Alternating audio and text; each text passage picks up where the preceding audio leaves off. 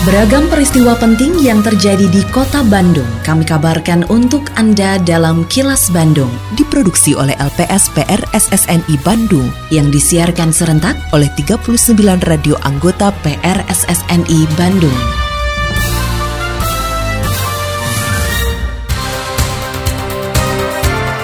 Sejumlah informasi aktual kami hadirkan untuk Anda dan inilah informasi utamanya. Pemerintah Kota Bandung hibahkan satu unit bus untuk KONI. Pengelola Kebun Binatang Bandung dipersilakan tempuh upaya hukum. Program Bike to School perlu sarana keselamatan. Saya, Santika Sari Sumantri, inilah kilas Bandung selengkapnya.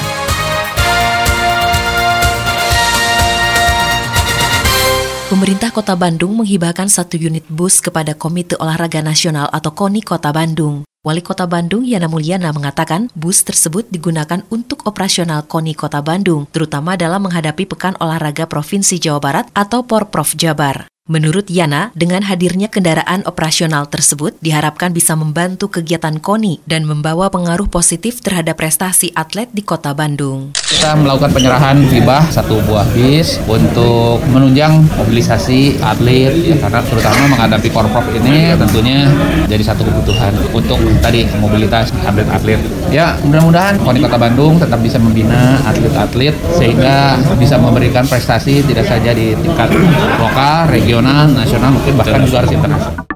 Pemerintah Kota Bandung diputuskan menjadi pemilik sah lahan kebun binatang Bandung berdasarkan putusan sidang perdata di Pengadilan Negeri Bandung. Dalam putusannya, pemerintah Kota Bandung dinyatakan sebagai pemilik berwenang memasang plang di tanah kebun binatang Bandung. Selanjutnya, BPN berwenang melakukan pengukuran atas permintaan pemerintah Kota Bandung karena tanah tersebut merupakan milik Pemkot Bandung. Menanggapi putusan tersebut, Yayasan Marga Satwa Taman Sari Bandung selaku pengelola kebun binatang Bandung menyatakan akan melakukan banding. Marketing Komunikasi Kebun Binatang Bandung Sulhan Syafi'i menyatakan tidak dimasukkannya duplik atau alasan Kebun Binatang Bandung menduduki lahan tersebut menjadi dasar untuk mengajukan banding. Yayasan Marga Satwa Taman Sari Bandung, pengelola Kebun Binatang Bandung, kami menyatakan keberatan atas keputusan tersebut karena sangat tidak adil pada timbangannya tidak dimasukkan duplik atau atau alasan kenapa kebun binatang Bandung selama ini menduduki lahan tersebut. Kemungkinan besar manajemen kebun binatang Bandung, Yayasan IMT akan melakukan banding atas keputusan tersebut.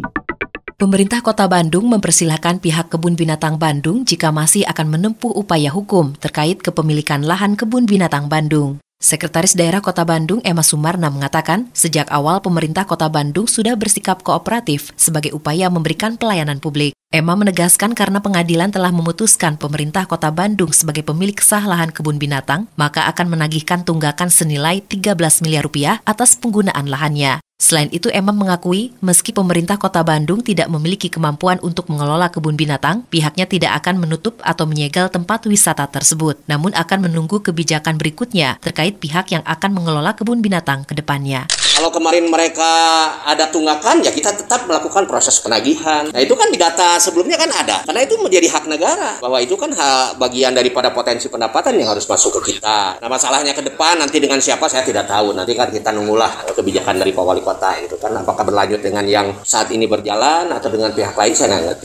Itu makan kemarin alasannya itu. Mereka menunggu bahwa ini milik siapa itu kan. Sekarang bahkan sudah jelas. Kalau sudah institusi hukum yang menyatakan terus mau siapa lagi yang dimintakan akan uh, itu. Oh enggak tuh dah kita mah tidak berkemampuan ngelola kebun binatang. Assalamualaikum warahmatullahi wabarakatuh. Sampurasun. Dalam rangka meningkatkan promosi pariwisata, Disput Park Kota Bandung selalu menghadirkan informasi terkini dengan beberapa media yang digunakan untuk Instagram Live dilakukan setiap hari pada Instagram TIC.Bandung.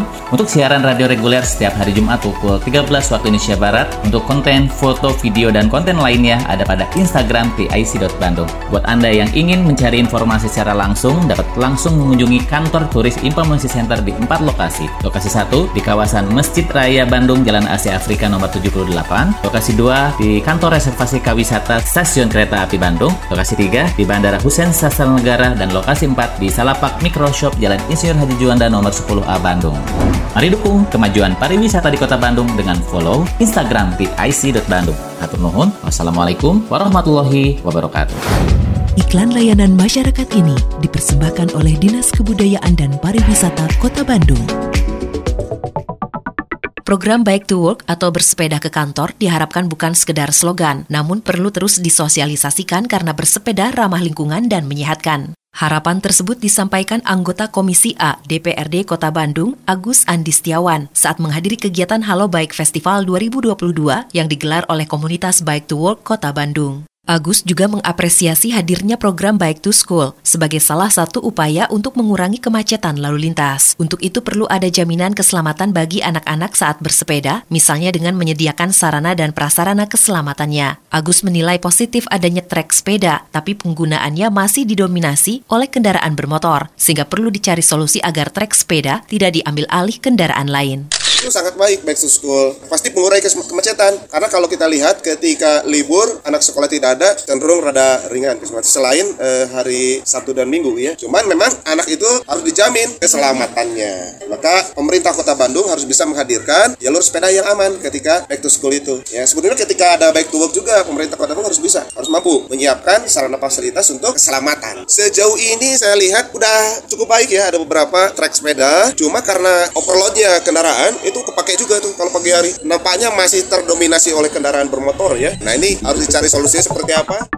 Ketua Komunitas Bike to Work Kota Bandung, Wildan Fardiansyah mengatakan, setelah membudayakan bersepeda ke kantor, pihaknya segera mengampanyekan program Bike to School atau bersepeda ke sekolah. Menurutnya program ini akan menyasar kalangan siswa SMP karena di usia tersebut masih bisa disosialisasikan budaya penggunaan bersepeda. Menurutnya hal ini berbeda dengan anak usia SMA yang cenderung ingin menggunakan sepeda motor. Wildan berharap dengan adanya program Bike to School, ke depannya bisa mengurai kemacetan dan mengurangi polusi di kota Bandung. Kenapa Bike to School? Karena Bike to School adalah cikal bakal kita membentuk sebuah budaya. Jadi dengan adanya kita membudayakan bersepeda bagi anak-anak usia sekolah, kami harap nanti kebiasaan itu jadi kebiasaan baik yang terbawa sampai teman-teman menjadi dewasa gitu, adik-adik kita jadi dewasa. Jadi lambat laun kota ini akan lebih kondusif, kita bakal lebih humanis dan harapannya adalah bisa mengurai kemacetan dan menurunkan tingkat polusi yang ada di Kota Bandung tahun 2022 bertepatan dengan usia 20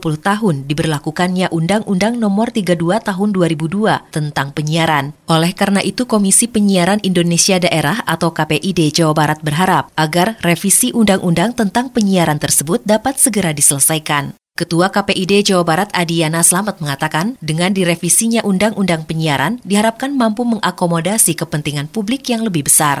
Selain itu bisa mengikuti perkembangan kemajuan teknologi dalam bidang penyiaran, serta dapat membantu ekosistem penyiaran di Indonesia yang mampu berkompetisi dengan negara-negara lain. 20 tahun ini untuk regulasi gitu ya, ini sebenarnya kalau saya bilang ini sangat usang. Kita semua, terutama KPID Provinsi Jawa Barat atau KPI Pusat dan KPID seluruh Indonesia harus mengawal proses revisi Undang-Undang 32 tahun 2002 ini sehingga isinya itu menyesuaikan dengan kemajuan peradaban, kemajuan teknologi teknologi penyiaran sehingga semua yang kemudian ada permasalahan-permasalahan penyiaran ini bisa tercover dalam Undang-Undang 32 tahun 2002 ini yang akan direvisi karena tidak mungkin tidak direvisi gitu ya. Banyak betul yang kemudian tidak masuk dalam Undang-Undang 32 tahun 2002 ini terutama masalah tadi ya analisis of apa segala macam itu.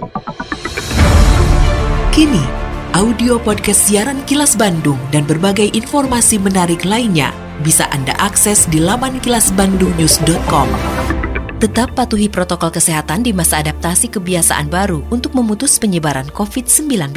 Selalu memakai masker, mencuci tangan, menjaga jarak dan menghindari kerumunan, serta mengurangi mobilitas agar terhindar dari terpapar virus corona.